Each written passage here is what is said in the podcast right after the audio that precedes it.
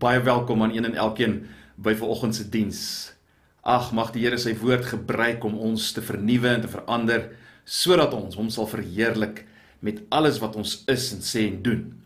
Uh ons boodskap vanoggend gaan baie aansluit by verlede Sondag, maar natuurlik vanoggend uit Lukas Evangelie. Maar kom ons bid saam en vra dat die Here ons sal help. Ag Here, gebruik u woord vanoggend om ons te vernuwe. Doen dit deur die werking van u Gees en beweeg ons tot lewens wat u verheerlik in Jesus se naam. Amen. Ons gaan weer 'n PowerPoint gebruik, so julle kan solank miskien julle Bybels in die hande kry terwyl ek die PowerPoint vir ons opstel en ehm um, dan kan ons almal dalk makliker volg.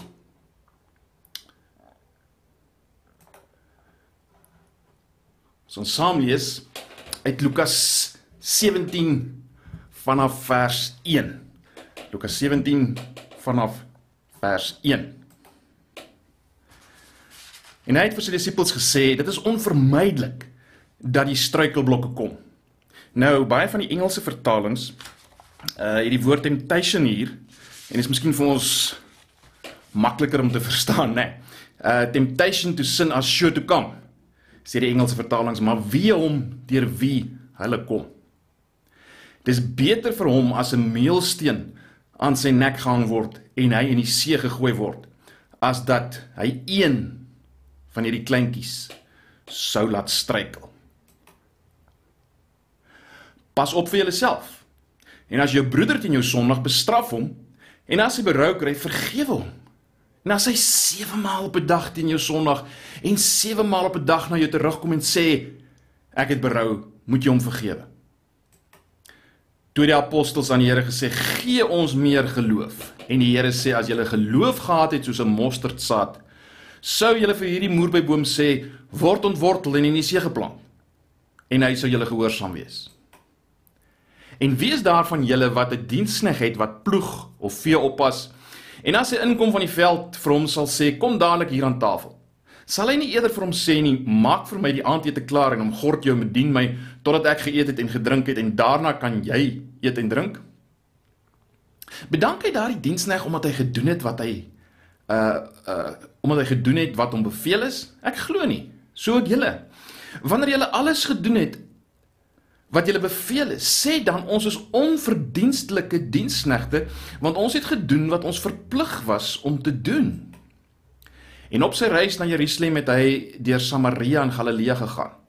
En toe hy in 'n sekere dorp ingaan, kom 10 melaatses, uh 10 melaatse manne om te gemoed wat op 'n afstand bly staan het. En Jesus het hulle uh, ag ekskuus en hulle het hulle stem verhef en gesê: "Jesus, meester, wees ons barmhartig." En toe hy hulle sien sê hy vir hulle gaan vertoon julle aan die priesters. En onderwyl hulle weggaan het hulle rein geword. En een van hulle toe hy sien dat hy gesond was, het omgedraai en God met 'n groot stem verheerlik. En hy het op sy aangesig neergeval by sy voete en hom gedank en hy was 'n Samaritaan. Toe antwoord Jesus en sê: "Het 10 nie rein geword nie en waar is die 9? Was daar niemand onder hulle te finde wat omgedraai het om God te verheerlik behalwe hierdie vreemdeling nie. En hy sê vir hom staan op en gaan, jou geloof het jou gered. Wat het jy onlangs vir God gedoen? Hoe gehoorsaam was jy tot dusver gedurende hierdie grendeltyd? Het jy jou geloof in nuwe indrukwekkende maniere uitgeoefen? Hoe goed leef jy die Christelike lewe in in vergelyking met die ouens rondom jou? Dink 'n bietjie na oor hierdie vraag. Die antwoorde op al hierdie vrae kan lei tot 'n innerlike houding wat eintlik sê: Here, U behoort baie dankbaar te wees vir alles wat ek vir U doen. En dan natuurlik is die onuitspreeklike gevoel die oomblik as jy dit dink, Die oomblik as jy dit dink, is die onuitspreeklike gevoel ek verstaan nie dat dinge nie beter vir my uitwerk nie. Hoekom gaan dit nie finansiëel beter met my nie? Of met my huwelik beter nie? Of wat die geval mag wees, my gesondheid nie. Kom ek stel dit baie kort weg. Baie Christene leef met die filosofie van as ons sekere dinge doen, dan skuld God ons iets. As ek my kant bring vir die Here en ek leef 'n lewe wat hom behaag of wat ek dink hom behaag, dan behoort hy vir my iets te terug te gee. Ek behoort dit te sien. Hy skuld my iets. Nou, oor en oor in Lukas Evangelie sien ons dat nie net die Fariseërs hierdie tipe denke het nie, maar selfs die disippels hier en daar sien ons iets daarvan by die disippels. Hulle wonder wie is die grootste in implikasie wat gaan hulle kry vir hulle volgelingskap en in daardie sin stem hulle lewensfilosofie eintlik ooreen met die Fariseërs. En dis geweldig. En daarom sê Jesus op 'n stadium want elkeen wat homself sal verhoog uh, want elkeen wat homself verhoog sal verneder word en wat homself verneder sal verhoog word in Lukas 14 vers 11. Nou die gedeelte wat ons gelees het beklemtoon een ding. God skuld ons niks. Selfs op ons beste is ons as disippels, as Christene onverdienstelike diensknegte. En die sleutelvers, die die vers wat eintlik hierdie hele gedeelte wat ons gelees het vir ons oopsluit, is vers 10 waar Jesus sê so ook julle wanneer julle alles gedoen het wat julle beveel is sê dan ons is onverdienstelike diensknegte want ons het gedoen wat ons verplig was om te doen. Die vraag wat ek en jy onsself vanoggend moet afvra is dit sien jy jouself so Ek wil hê ons moet kyk na hierdie gedeelte met vers 10 as die sleutel, wil ek hê ons moet kyk na die gedeelte onder twee opskrifte. Wil hê ons moet kyk na die Christen is 'n onwaardige dienskneg eerstens, so hy of sy dink oor ander meer as of dink van ander meer as homself. Die Christen is 'n onwaardige dienskneg, so hy of sy dink oor ander meer as homself of haarself eintlik moet ek sê van ander, nie oor ander nie, nê, nee, van ander meer as homself of haarself. Ons kry dit in vers 1 tot 4. Dink 'n bietjie hieroor. As jy dink jy is belangriker as ander, hoe sal jy optree? Hoe sal jy optree? Dink 'n bietjie aan die ou wat 'n Olimpiese atleet is of uh die ou wat 'n suksesvolle besigheid gestig is, die CEO van 'n suksesvolle besigheid is. Of die tuiskoolma eh, van wie al haar kinders briljant is. In verskillende sfere word hulle bewonder deur mense. Mense sê hoe goed is hulle. Nou die geneigtheid by sulke mense is dan om te dink wel ek is regtig ek is reg regtig oukei. Okay. En al hierdie mense is hier om my te dien. Ek ek meen dis net eintlik reg so. Wel, raai wat Dis ook waar van ons wat nie groot atlete is of suksesvolle besigheidsmande of goeie tuiskoolmaas of laat ek so sê maas wat goeie tuiskoolresultate kry nie.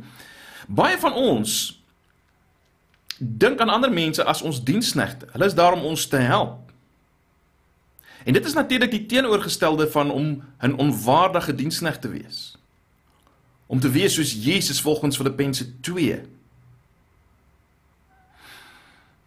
Kom ek vra jou so uh, so as jy jouself as 'n onwaardige dienskneg sien en ander meer betekenisvol as jouself, hoe sal jy dan optree?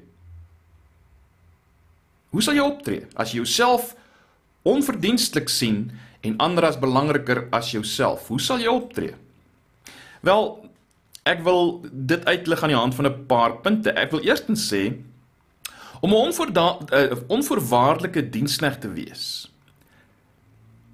sal beteken dat ek nie ander in versoeking bring nie. Dis die punt in hoofstuk 1. As Jesus praat van een van hierdie kleintjies laat struikel, dan praat hy waarskynlik nie net van kinders nie, hy kan van kinders ook praat, maar hy praat van mense wat nie belangrik lyk nie, wat nie indrukwekkend lyk nie. Jesus sê moenie sulkes laat struikel nie. As jy sulkes laat struikel, is dit beter vir jou dat 'n meulsteen om jou nek gehang word. In ander woorde, dis 'n ernstige saak. Dit is geen ligtelike saak dat Jesus se navolgelinge Onthou hy fokus spesifiek hier op sy disippels. Moenie die kleintjies laat struikel nie. Moenie as te ware sê ag versoekings is maar daar, hulle moet maar leer om dit self te oorkom nie. Nee, die vraag is hoe tree ek op? Natuurlik kan ek en jy direk uh of laat ek so sê, ons kan ander laat sonde doen deur uh direk laat sonde doen deur ons optrede, maar dit wils is ons optrede nie sondig in sigself nie uh en tog laat dit ander sondig. Miskien hoe die manier hoe jy aantrek of as jy lof gee aan iemand anders voor 'n ander persoon. Of daai sneerige opmerking wat iemand in wanhoop laat verval. Al ons optrede wat ons in vryheid en ons dink nou aan verlede Sondag, al ons optrede wat ons in vryheid as te ware kan doen maar wat ander laat struikel. Jy sien die punt is as ek aan myself as 'n onwaardige diensneg dink, dan is ek gewillig om my gedrag te verander. En ook die ouens wat onbelangrik lyk, nie te laat sondig nie. Die ouens wat ek nie eintlik ag nie, wat nie so belangrik lyk nie. Ek sal alles doen om hulle nie te laat struikel nie. Dis die kenmerk van 'n volgeling van Jesus. En Jesus wil hê sy volgelinge moet dit hoor. En uh, natuurlik ook, hy wil hê die Fariseërs moet hoor dit is ook soos hulle nie is nie. Maar goed. Dit bring ons by 'n tweede ding wat hierdie verse vir ons duidelik maak. Ons sien dat 'n onverdienstig 'n onverdienstelike diensneg vermaan ander in liefde. Hy kyk uit vir die ander een. Hy sien raak as daar hoogmoed of woede of begeerd of bitterheid of welis of enige een van daai goed begin groei by sy broer of suster. Hy help om daardie worteltjie van sonde uit te trek. Maar die konteks is steeds met 'n ingesteldheid van ek is onverdienstelik, ek is onwaardig. Dis doen ek dit nie uit hoogmoed nie, maar uit 'n bewustheid dat ook ek maklik versoek word. Dis wat Galasiërs 6 bedoel as hy sê dra mekaar se laste. As onwaardige, as onverdienstelike diensneg doen ek dit. So dis die punt van vers 3. Onverdienstelike diensnegte vermaan in liefde. Maar dan baie belangrik uh onverdienstelike uh onverdienstelike diensnegte vergewe. Dis die punt van vers 4. Dis die punt van vers 4.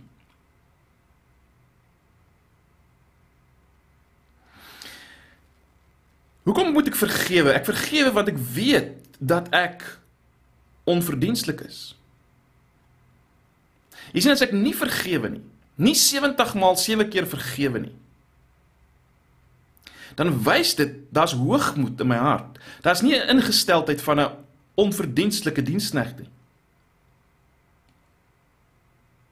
Baie van ons vergewe nie 'n ander persoon nie want ons sê vir onsself Niemand weet hoe hy of sy my seer gemaak nie, seer gemaak het nie. Of niemand weet hoe seer gemaak ek is nie, liewers.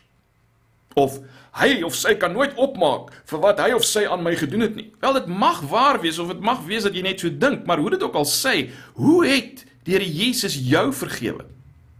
Jy sien die onverdienstelike diensneg sien die geweldigheid van die feit dat hy of sy vergewe is en niks by God verdien nie en daarom kan hy of sy vergewe selfs al weet niemand hoe seer gemaak hy of sy is.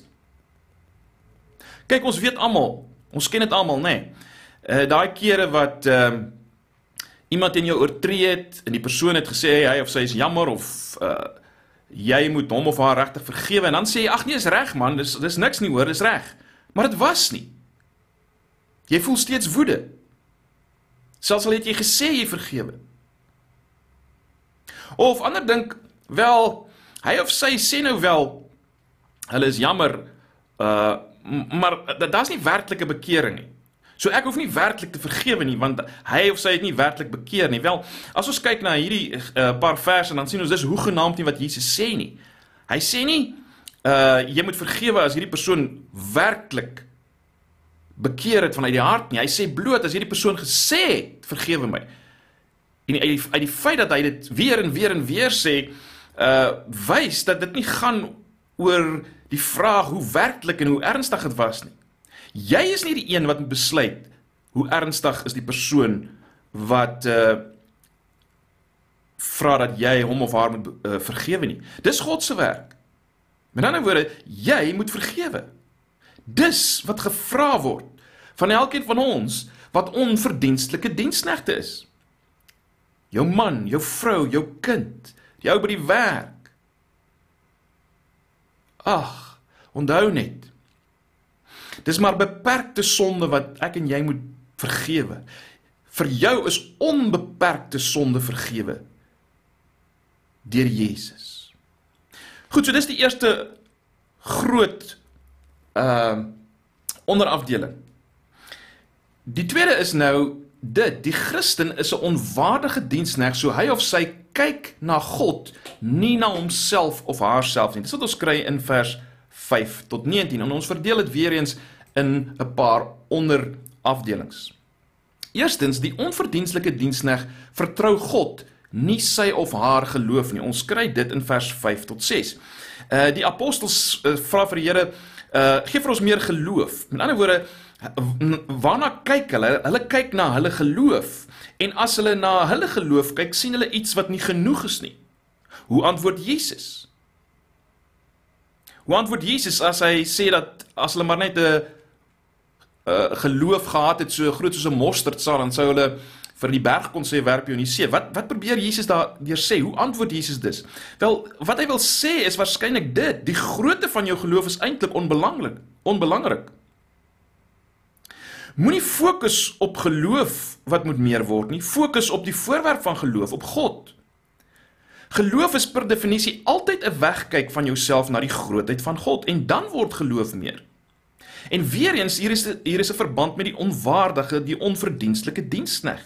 Jy sien die die issue is nie my geloof nie. Die fokus is nie op my nie, dis op God. Maar goed, miskien is daar van julle wat nou dink maar Jakobus, moet ons tog nie soms meer geloof in onsself hê nie. Dink aan 'n sportman. Wel, daar is 'n ooreenkoms, maar daar is ook 'n groot verskil. Wat is die ooreenkoms?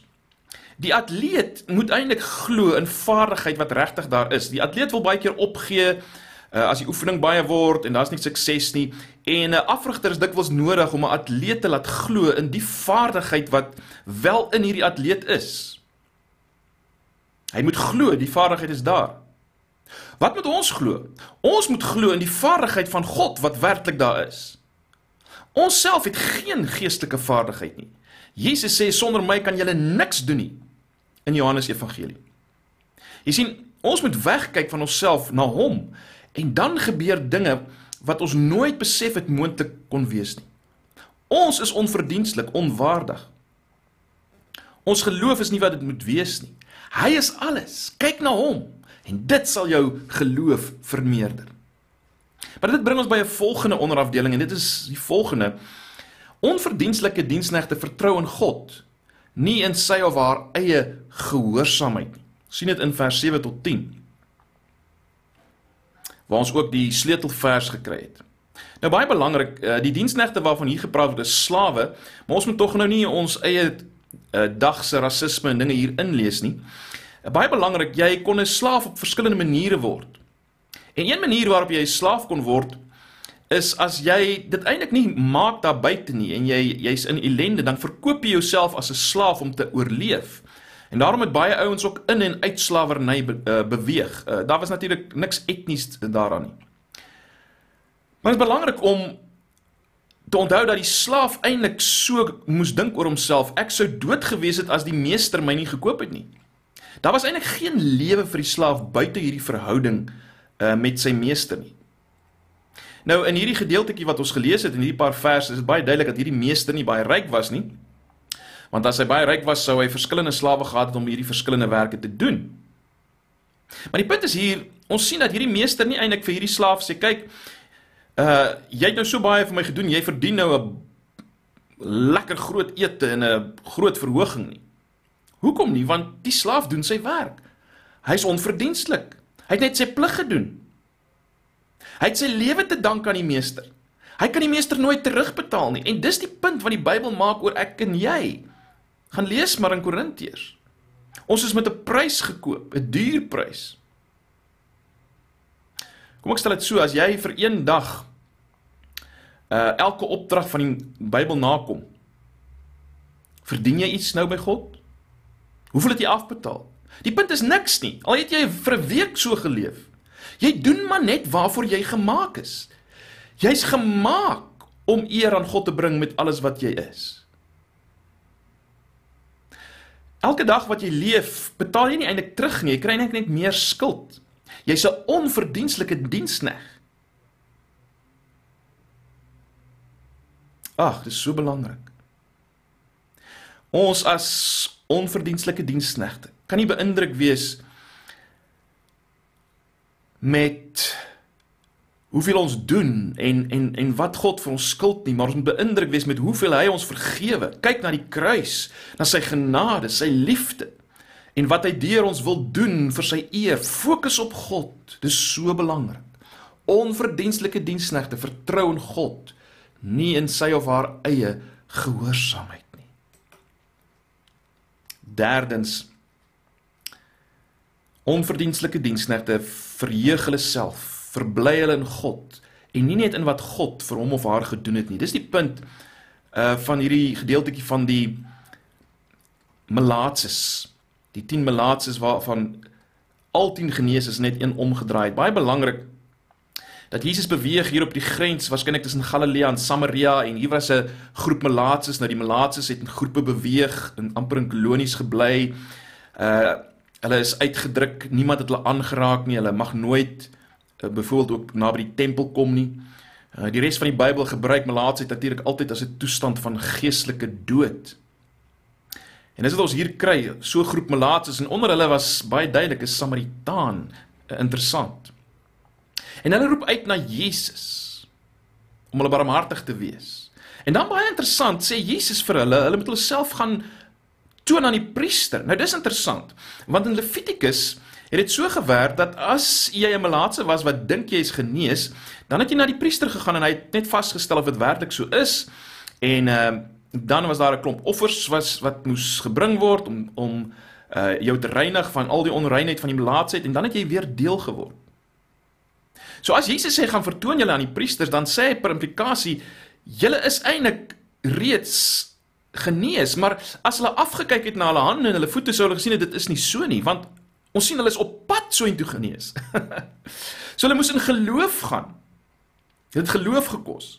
Maar hoe dit ook al sê dit gebeur dan hulle word almal genees en een van hulle toe hy dit sien draai om en hy gaan terug.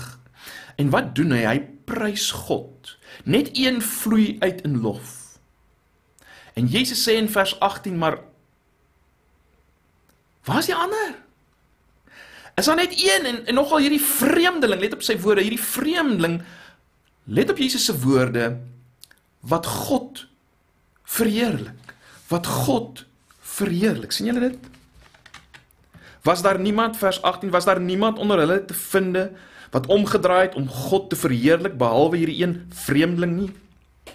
En dan sê Jesus staan op en gaan jou geloof het jou gered. Jy sien dis so belangrik. Dis so belangrik. Geloof per definisie is om God te verheerlik. Is om God te verheerlik. Die ander 9 het waarskynlik vir my vir hulle self gesê, "Wow, kyk, ek is genees. Nou kan ek doen wat ek altyd wou doen. Nou kan ek vir my 'n besigheidjie begin en deel word van die res en ek kan ek kan selfs weer saam aanbid." Maar al die fokus is op die gawe. Die gawe van die genesing deur God en nie op God nie. Nou dit is baie maklik vir ons om te sê, maar dis dis darm maar. Dis almal simpel van hulle. Dis dwaas. Maar wat van ons? Wat van ons? Bid ons nie dikwels vir iets en as ons dit kry, dan verbly ons ons in die ding wat ons kry en nie in God wat dit vir ons gegee het nie. Dink aan jouself, elke tree wat jy gee, elke asemteug, elke stukkie werk wat jy kan doen, al jou gesondheid elke dag, elke glimlag wat jy ontvang, alles is van God. Die vraag is, fokus jy op God vir wat jy kry? Is dit waar jou fokus is? Dis die vraag wat jy jouself moet afvra. Ag, onthou net. Jy's gemaak om God te eer. Jy kan jouself nie op die skouer klop een dag as jy God volkome geëer het nie. Dis waarvoor jy gemaak het, gemaak is.